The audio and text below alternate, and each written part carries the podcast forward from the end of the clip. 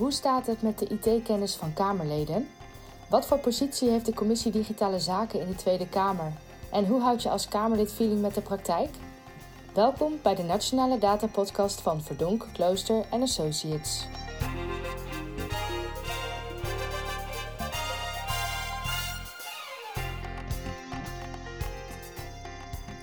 Bij de Nationale Data Podcast. De podcast met inspirerende gasten en inzichten over het gebruik van data, algoritmes en artificial intelligence in de publieke sector. Mijn naam is Sarah van der Laan en bij mij vandaag in de podcast zijn collega Frank van Gameren, onze politieke voelsprieten als het gaat om data, en Lisa van Ginneke, Tweede Kamerlid voor D66 en lid in de Kamercommissie voor Digitale Zaken. Welkom Frank en welkom Lisa. Dankjewel, leuk om, uh, leuk om hier te zijn. Ja, leuk dat je, dat je bij ons bent. Um, afgelopen jaar ben je IT-politicus van het jaar geworden. En uh, een eervolle onderscheiding uh, lijkt me. Um, en om daar even mee te beginnen, vanwege het feestelijke karakter. Ben jij nou zo goed? Of zegt dit iets over het, over het kennisniveau van politici in zijn algemeenheid? Um, nou ja, het zegt denk ik in de eerste plaats dat uh, uh, ik in ieder geval het enthousiasme had om heel erg uit te spreken over de digitale politieke thema's in mijn allereerste jaar als, als Kamerlid. En dat is gezien. Um, kijk, we weten natuurlijk vanuit het verleden dat kennis op het gebied van digitale zaken en digitale publieke vraagstukken, want daar gaat het natuurlijk uiteindelijk over in de politiek, nou ja, dat kennis over die onderwerpen in de Tweede Kamer schaars was. Um, en natuurlijk, als je heel eerlijk bent, nog steeds een beetje is. Maar dat is wel echt aan het veranderen. Um, we hebben nu een handjevol Kamerleden die uh, ook echte ervaring in de sector hebben. En dat geldt ook in de eerste plaats uh, voor mijzelf. Uh, want ik ben natuurlijk ook een klein beetje op home turf. als, als oud werknemer van, van VK. Um, maar er zijn meer collega's die ook in de sector hebben gewerkt. Niet zoveel, maar het begin is er. We hebben ook een commissie digitale zaken. Uh, waar Kamerleden ook in zitten die niet specifiek deze achtergrond hebben, maar doordat ze nu al een jaar lang zich heel nadrukkelijk met deze materie bezighouden, worden ze er ook nou ja, beter in. Ja. He, want ik, ik, ik heb bijna 15 jaar in de ICT gewerkt. Ik heb ook geprogrammeerd. Um, uh, maar het feit dat je uh, C kunt schrijven, uh, of COBOL of uh, wat dan ook, dat maakt je geen beter Kamerlid voor dit soort vraagstukken. Het feit dat ik natuurlijk een aantal jaar uh, ook hier binnen dit bedrijf me bezig heb gehouden met digitale vraagstukken in, in de publieke sector, dat helpt wel natuurlijk. Ja. Want daar kom je natuurlijk alle dilemma's en alle afwegingen tegen, ja, die ook in de politiek relevant ja. zijn. En wat zou dan volgens jou een soort basiskennisniveau moeten zijn?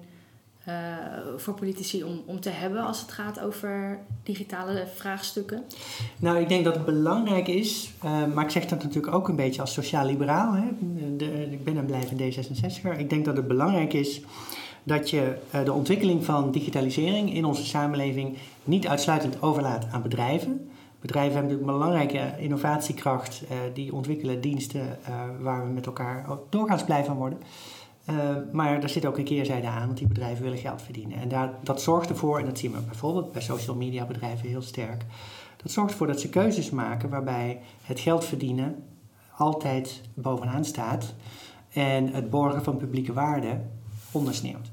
En um, nou ja, dat vind ik belangrijk aan digitalisering en daarom is het ook een, een politiek thema.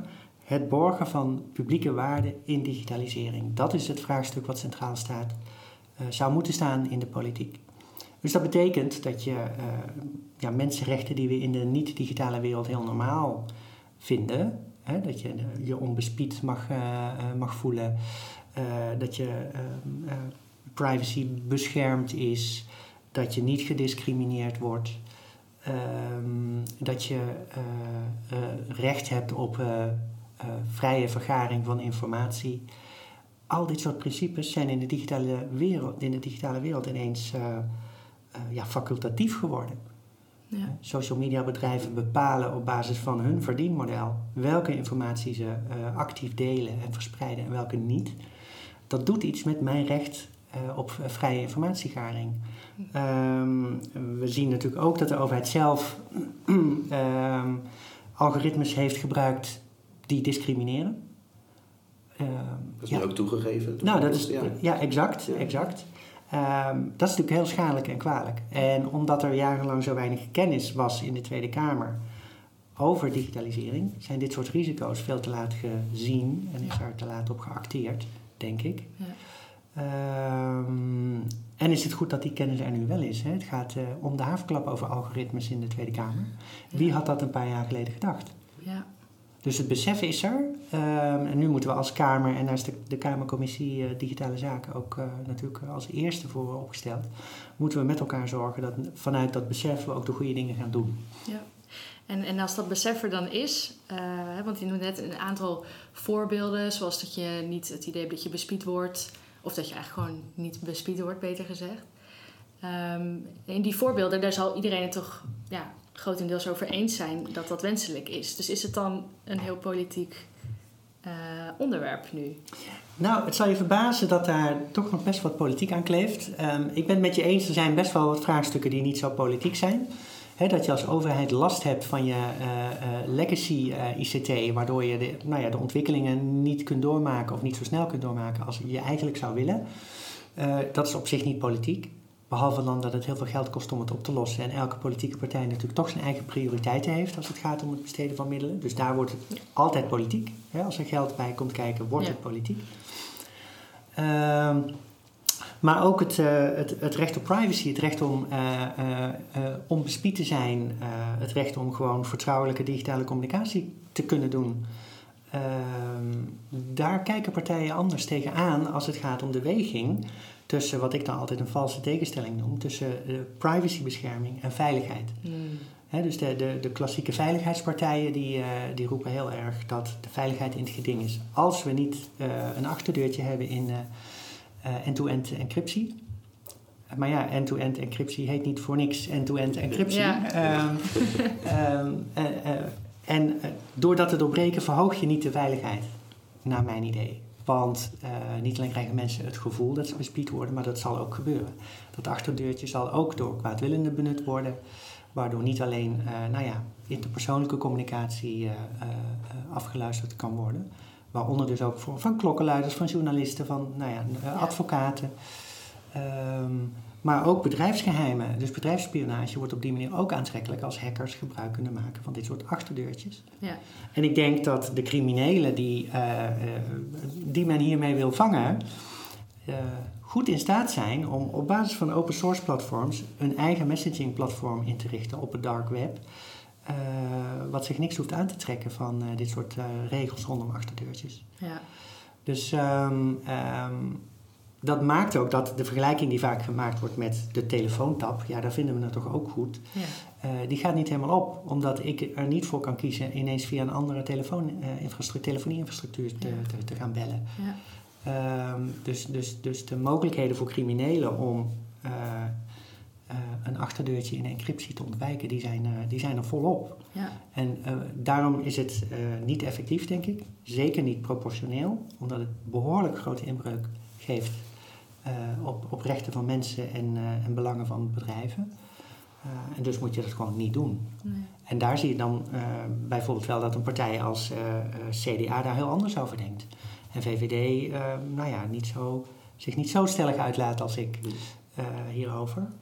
Ja. Dus er zijn echt politieke verschillen. En, maar, en dan vraag ik me toch af, hè, want uh, dit, dit klinkt dus eigenlijk als, een, uh, als een, een, politiek vraagstuk ook op waardeniveau. En je zei mm -hmm. zelf een, uh, dat, dat er dan een schijnbare tegenstelling is tussen twee waarden die je misschien ook naast elkaar kan, zou kunnen zetten in dit verband. Maar ehm, is de discussie dan goed om het ook op dat waardeniveau te voeren als je eigenlijk merkt dat er op de technische laag dus dat soort mitsen en maren zijn? Of kun je het dan beter een, een, laagje dieper er met elkaar over hebben? Dan wordt het wel heel concreet en technisch, dat moet dan ook kunnen. Maar ja. Hoe, uh, hoe, hoe ligt die verhouding? Nou, ik denk dat als je, om bij dit voorbeeld te blijven, als je dat debat wil voeren over het al dan niet verzwakken van encryptie dat je het ook wel echt concreet moet hebben uh, over uh, wat levert het op, wat zijn de risico's, hoe gaan criminelen hier omheen, um, wat gooien we qua uh, publieke waarde, qua mensenrechten het raam uit? En vinden we dat wel oké? Uiteindelijk is het altijd die politieke weging. Maar als je alleen maar blijft praten over. Uh, bijna hypothetisch is er wel een conflict tussen privacy en veiligheid. dan wordt het heel academisch, terwijl je het volgens mij echt ook wel concreet over wat zouden nou de consequenties zijn als.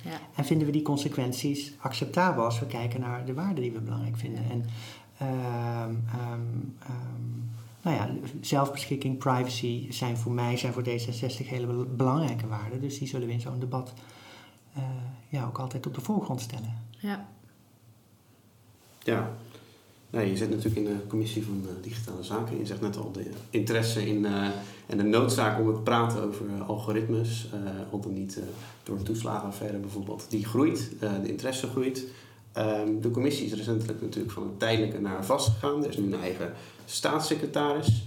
Uh, merk je ook zelf in je werkzaamheden uh, bij de commissie dat die interesse groeit? Uh, krijg je het drukker, en er meer debatten? Er was laatst haast een debat op hoofdlijnen, die kon niet doorgaan helaas. Ja. Merk je daar verschil in? Nou zeker. Ehm, kijk, de commissie is natuurlijk ehm, met, de, met, met de vorming van het huidige parlement, hè, dus, dus na de Tweede Kamerverkiezingen van maart vorig jaar, is die commissie eigenlijk meteen geformeerd. Maar ja, de eerste tijd natuurlijk vooral bezig geweest met de vraag wat is onze rol nou eigenlijk? Want digitalisering is een horizontaal thema. Het raakt alle andere beleidsterreinen ook. Hè. Je hebt digitaliseringsvraagstukken in het onderwijs, in de zorg, um, um, in defensie. Uh, het, het, heeft de economische aspecten, het heeft veiligheidsaspecten, noem maar op. Dus het zit overal in. Um, dus hoe ga je dat nou als commissie doen? Want je kunt je niet met al die dossiers bezighouden. Je kunt je, uh, nou ja, dat zou wel kunnen, maar daar heb je de tijd niet voor. Uh, dus je moet echt ook kiezen. Dus we hebben heel nadrukkelijk ook gekozen van wat zijn nou belangrijke digitale thema's. We hebben daar, uh, als ik me goed herinner, zes onderscheiden. Um, en we zien vooral ook voor onszelf een rol weggelegd om, om uh, andere Kamerleden, andere Kamercommissies ook te ondersteunen en te informeren als het gaat om dit soort vraagstukken. He, dus er loopt in de commissie VWS een discussie over het digitale patiëntendossier, elektronisch patiëntendossier. Nou ja, dat is, hoort ook thuis in de commissie VWS. Het is een zorgvraagstuk, maar het gaat wel over uitwisselen van gegevens, standaardisatie daarvan, uh, goed uh, gereguleerde toegang daarvan, privacy, dus al die typische digitale vraagstukken. Dus daar zien we voor onszelf wel echt een rol om uh, ja, de collega's te ondersteunen. Maar je ziet steeds meer, en dat is echt nou ja, de, het laatste half jaar zeker, heel veel debatten, echt puur binnen de commissie Digitale Zaken, op allerlei gebieden. Want het is natuurlijk een super breed thema. Hè? Van cybersecurity tot uh, uh, economische kansen. Uh, hè? We zijn natuurlijk heel goed als Nederland op, op AI, op, op chips. hoe benutten we die kansen? Ehm, maar ook de digitale overheid zelf. Hoe digitaliseert onze overheid? En wat betekent dat voor dienstverlening richting burgers? En wat betekent dat voor het gebruik van algoritmen? ja, het, het, gaat overal overheen. Ja. En merk je dan ook, hè, dat zijn natuurlijk rijksbrede thema's, samenlevingsbrede thema's, die ook andere ministeries raken. Mm vind je dan ook gehoor bij uh, bijvoorbeeld zo'n VWS die er dan ook mee bezig is? Hoe is de samenwerking uh, vanuit de commissie dan over ministerieposten heen? Nou, ik denk dat ehm, de, de commissie zelf heeft vooral met binnenlandse zaken, economische zaken en justitie en veiligheid te maken, omdat daar heel veel digitaliseringsvraagstukken zitten. Soms ook wel andere ministeries. Uh, heel veel gaat via andere Kamercommissies, andere ministeries in. En ik ben zo blij dat we nu een, uh, een uh, staatssecretaris digitalisering hebben. Alexandra van Huffelen, D66-staatssecretaris.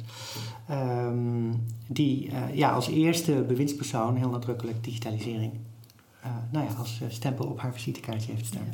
Ja. Dus zij is daarvan. En zij heeft vooral ook heel erg die taak om binnen het kabinet over al die ministers en staatssecretarissen heen uh, die belangrijke thema's ook te bewaken. Ja. Dus dat is een, complexe taak die vooral heel veel bestuurlijke behendigheid vraagt. Veel meer nog dan inhoudelijke kennis, denk ik.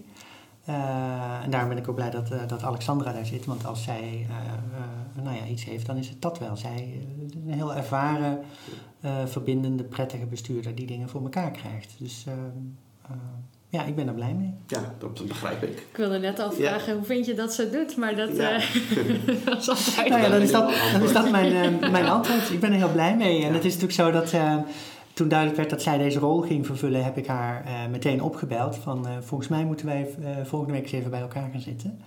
Ja. zodat ze ook een goede start kon maken. Omdat ik natuurlijk altijd met het onderwerp bezig was in de politieke context. en natuurlijk heel veel ervaring in de sector heb. Dus dat heeft haar ook wel geholpen om snel uit de startblokken te komen. En natuurlijk is het een complex, veelomvattend domein waar heel veel in te leren is. maar ik vind dat ze het behoorlijk goed doet. Ja.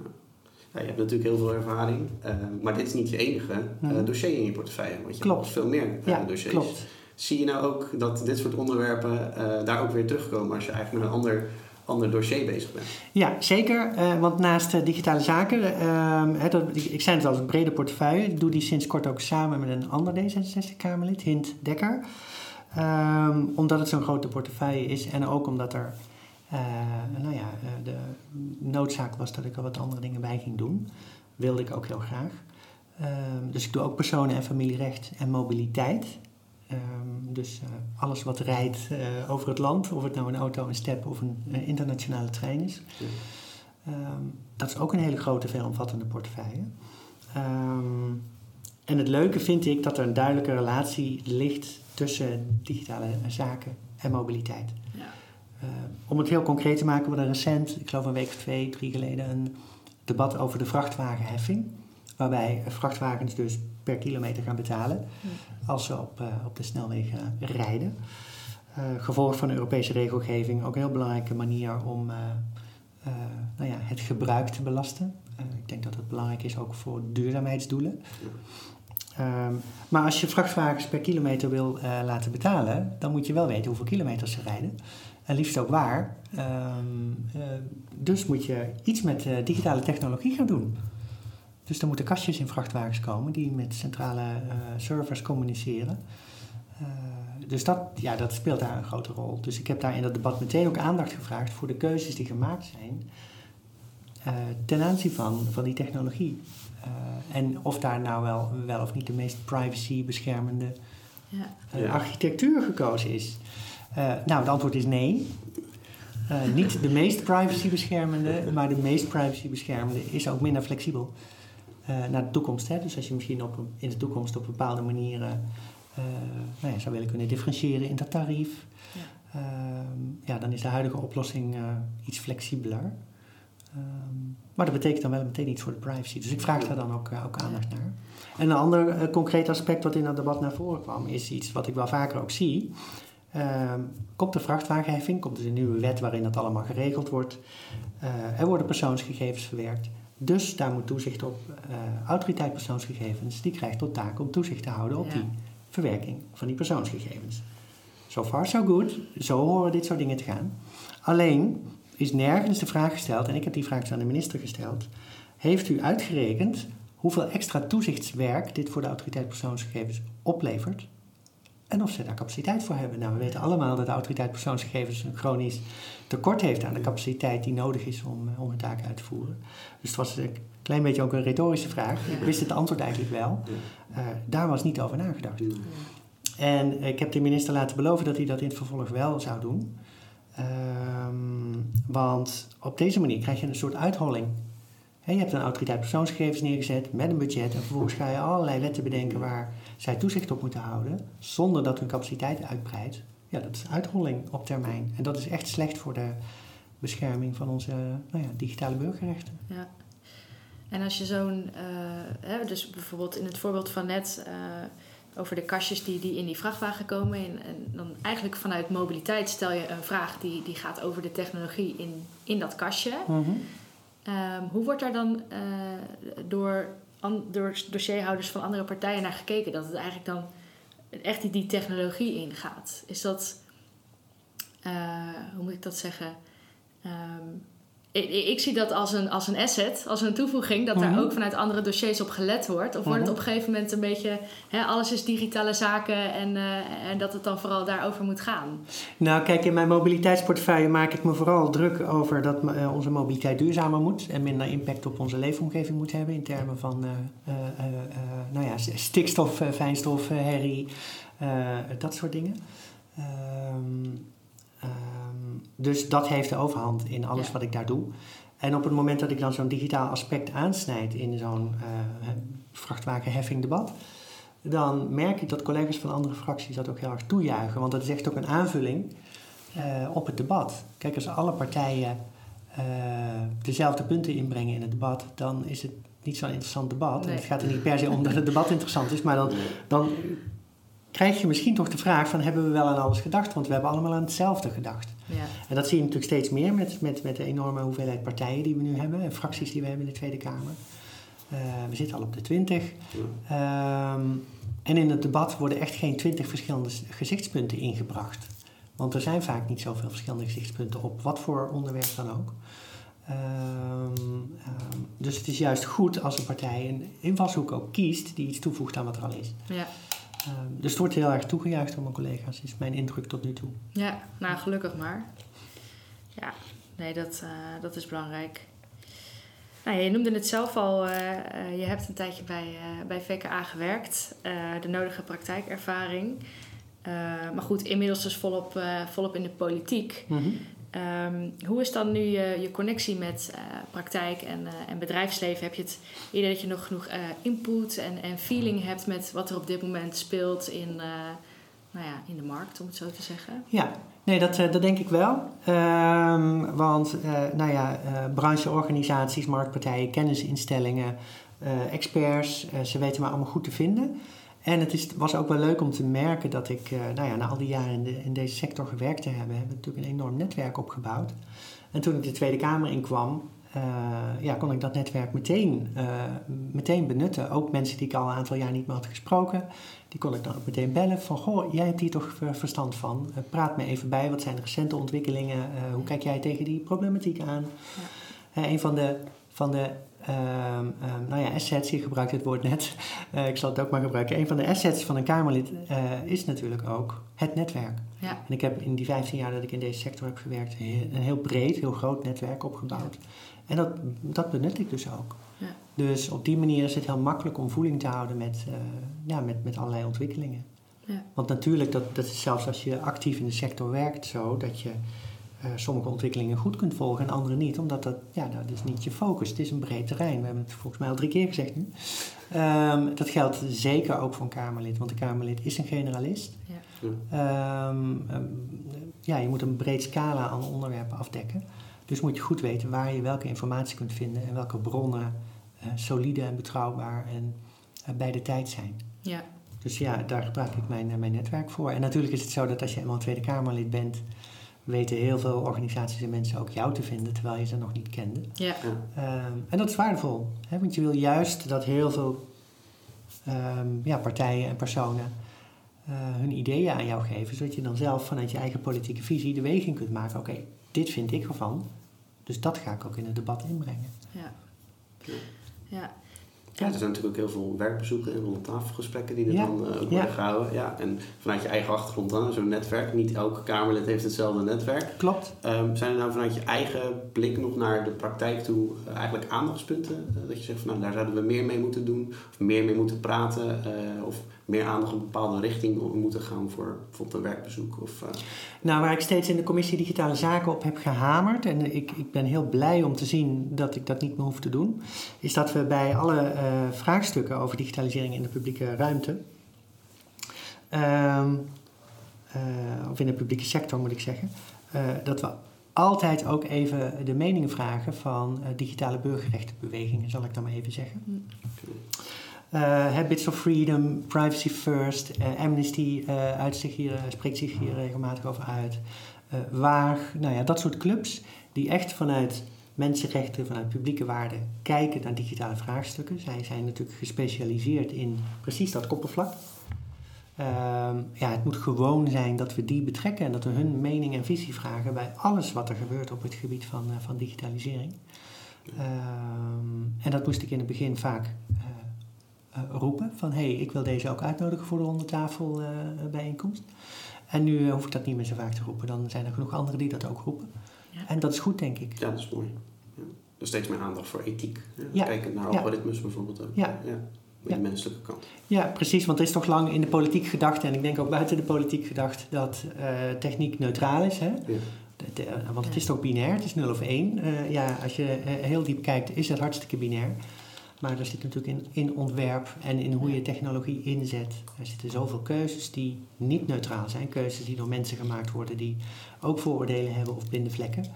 Ehm, eh, ja, techniek is niet neutraal en vraagt altijd die ethische afweging. En dat moeten we explicieter doen met elkaar. Vandaar ook dat mijn, uh, dat, dat mijn collega Hint uh, Dekker en ik alle twee al gepleit hebben voor doe nou een mensenrechtentoets voordat je AI gaat inzetten. Een expliciete toets op welke mensenrechten komen hier potentieel in gevaar. Ja. En wat kun je doen om die risico's te voorkomen of, of te beheersen. In ieder geval te signaleren ja. dat het misgaat. Um, voordat je überhaupt die technologie gaat inzetten. Ja, beetje zoals IAMA. Nou ja, kijk, wij willen uh, precies. En wij, wij vinden het heel belangrijk. Wat ik merk is dat het kabinet heel erg wijst naar, ja, er komt van alles uit Europa, dus laten we daarop wachten. Ja. En wij zitten heel erg op de lijn, laten we daar nou eens niet op wachten. Um, want het kan, we weten al ongeveer wat er uit Europa gaat komen. Uh, we kunnen dat nu al gaan doen. Daar kunnen we er nu ook ervaring mee opdoen. Kunnen we leren hoe we dit goed doen. Kunnen we ook leren hoe het nou werkt om algoritmes transparant te maken in een algoritmeregister. Dat is nog ja. zoiets waar we ons heel erg voor inzetten. Uh, want daar ga je, ga je in het begin gewoon fouten in maken. Um, en dan hebben wij die ervaring al. En als dan die Europese uh, verordening er komt, dan uh, weten wij al hoe we het moeten doen. Ja. ja. En hoe kijk je naar die ontwikkeling in Europa? Want er is natuurlijk best wel veel wetgeving wat er, wat er ja. aankomt. Hè? AI Act, uh, ja. Data Governance Act, Digital ja, Markets. Data Act, DMA, DSA, ja, precies. Het heel hele. veel. Data Space is ook nog eens een keer, daar zijn ze mee bezig. Dus hoe kijk je naar die ontwikkelingen? Nou, ik denk dat het goede ontwikkelingen zijn, omdat je ziet dat um, de, de, de, de markt van digitale technologie is natuurlijk een mondiale markt. Uh, Nederland als uh, uh, nou ja, afzetmarkt is piepklein. Dus je kunt in Nederland wel allerlei dingen willen reguleren ten aanzien van die technologie en die techsector. Um, maar als, als je, daar, daar ben je te klein voor. Daar vinden ze waarschijnlijk onvoldoende interessant om daar nou heel erg veel rekening mee te houden. En geeft dus ongelijk, zou je ook nog heel opportunistisch kunnen zeggen. dus het is goed dat we dat op Europees niveau doen. Uh, want dan hebben we het ineens over uh, 380 miljoen uh, inwoners of zo, geloof ik. Ja. Ja. Um, dat is een enorm grote markt. en je ziet ook dat je dan ook leidend kunt zijn als Europa ja, in de wereld als het gaat om publieke waarden in digitale technologie. We zagen het met de GDPR, de, de AVG, ja. heeft Europa neergezet. We hadden natuurlijk in Nederland al lang de wetten op de bescherming van de persoonsgegevens en de AVG is niet wezenlijk anders, alleen wel op een aantal punten een stuk specifieker geworden. Wat heel goed is. Maar je ziet wel dat voor andere Europese landen dat echt een grote stap voorwaarts was. En vervolgens, nu het binnen de EU heel normaal is om een GDPR te hebben, zie je dat allerlei andere landen op de wereld iets vergelijkbaars implementeren. Dat ze de ja. EU-GDPR hebben bekeken en hebben gezegd, nou, met deze twee, drie aanpassingen past die ook in Canada, in Australië, nou noem maar op. Ja. Um, dus dat is een heel concreet voorbeeld waarin je ziet dat die Europese regulering die we met elkaar doen, uh, echt leidend is voor de ontwikkelingen die we wereldwijd gaan zien. En ik denk dat dat goed is. Mooi. Ja, en dan, hè, want de voorbeelden die, die eh, Frank net noemde, uh, is Nederland daar klaar voor, denk jij? Want je zei net al van ja, we kunnen gaan wachten op, op Europa, maar we kunnen ook wel zelf aan de slag gaan. Klinkt ook een beetje alsof het al wel alsof we al heel veel heel goed voor elkaar hebben. Zie je dat ook uh, zo op die manier? Nou, ik denk dat wij in zijn algemeenheid uh, ja, ons niet per se hoeven te schamen voor hoe de vlag erbij hangt in Nederland. We, doen best wel veel dingen goed. Uh, maar nog te weinig bewust en te weinig gericht en soms versnipperd. Dat vind ik bijvoorbeeld vooral heel sterk uh, bij onze cybersecurity uh, aanpak. we hebben een Nationaal Cybersecurity Center en uh, uh, ik noem dat wel eens een VCSC, een vitaal cybersecurity sector, center, want het werkt alleen voor de vitale sector. dus een aantal specifieke organisaties of sectoren die aangewezen zijn als die zijn zo belangrijk voor onze samenleving, die moeten we goed verdedigen. Nee, we moeten de hele samenleving goed verdedigen. Niet alleen omdat die vitale bedrijven gebruik maken van allerlei onderaannemers en leveranciers die niet automatisch tot, die, tot vitaal gerekend worden. Maar ook omdat onze samenleving als geheel heel erg verstoord kan worden als we ja, organisaties offeren die nu niet vitaal zijn. Ik gebruik als voorbeeld regelmatig de kaashek bij de Albert Heijn. Dat was in februari of maart vorig jaar. Was er een week lang geen kaas bij de Albert Heijn. en dat vind ik persoonlijk voor mezelf heel erg. ik ben dol op kaas.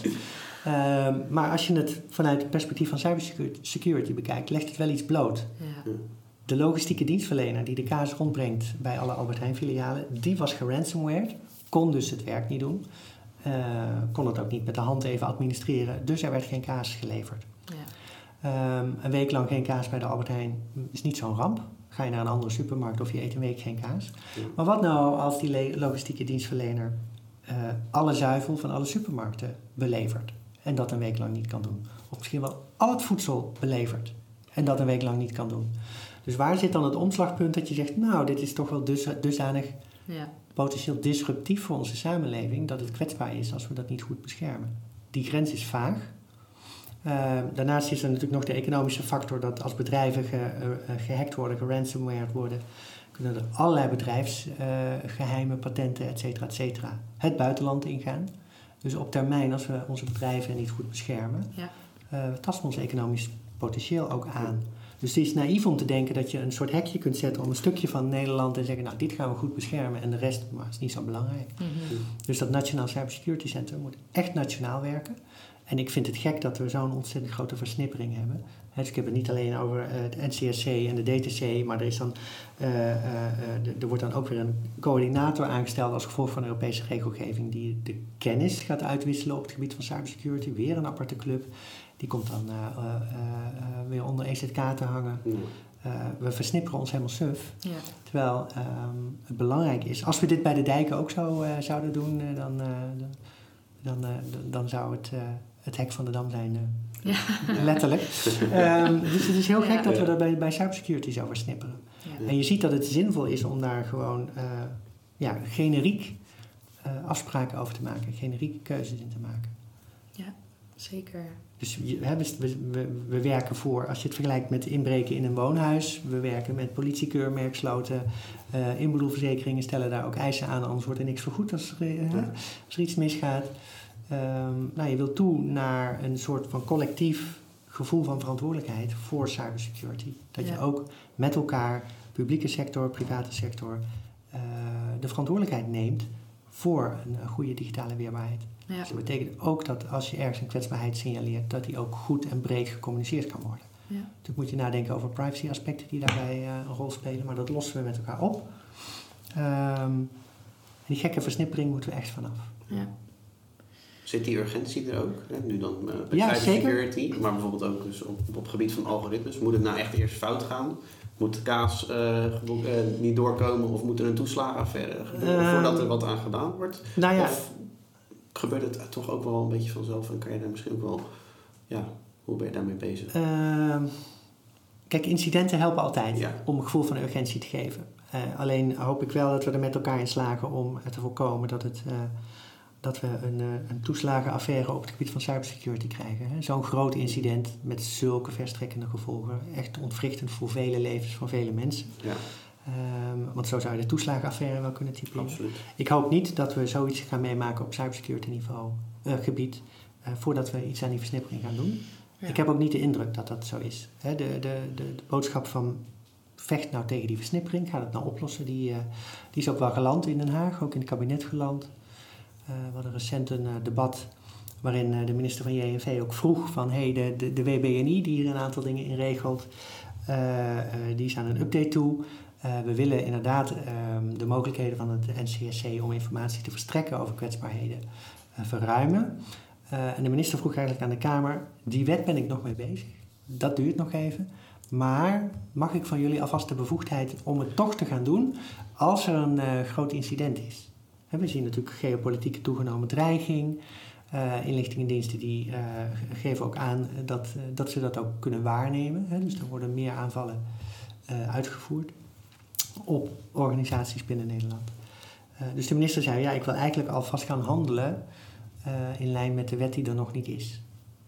een heel ongemakkelijk verzoek, want ik ben er juist heel allergisch voor dat de overheid steeds maar allerlei dingen doet Ehm, zonder wettelijke basis. Als het gaat om het uh, delen, verzamelen van gegevens. Ja. De, NCS, eh, de, de NCTV uh, als heel pregnant voorbeeld. Die natuurlijk jarenlang allerlei personen en organisaties nou ja, gevolgd heeft, daar gegevens over heeft verzameld, die gebruikt heeft ja. Ehm, om ja, zelf derde inlichtingendienst te gaan spelen. Hmm.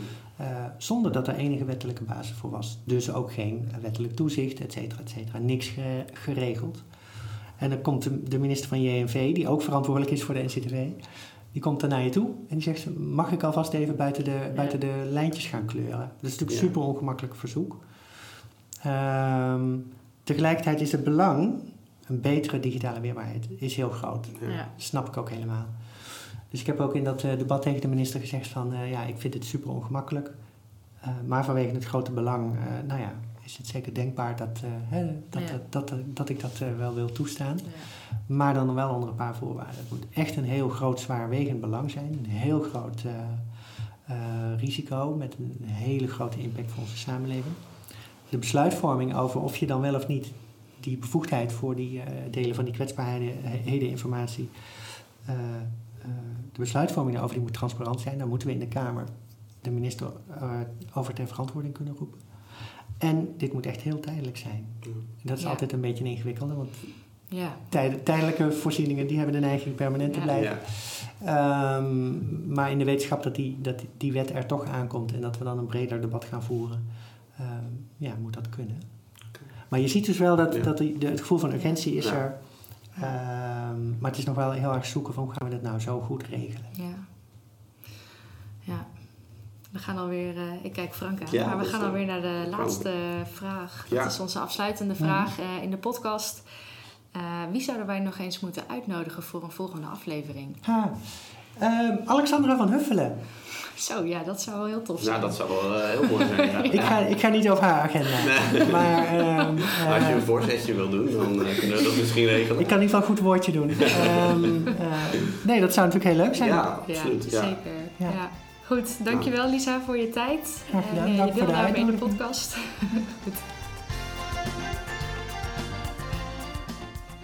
Hiermee zijn we aan het eind gekomen van deze aflevering van de Nationale Data Podcast. Bedankt voor het luisteren.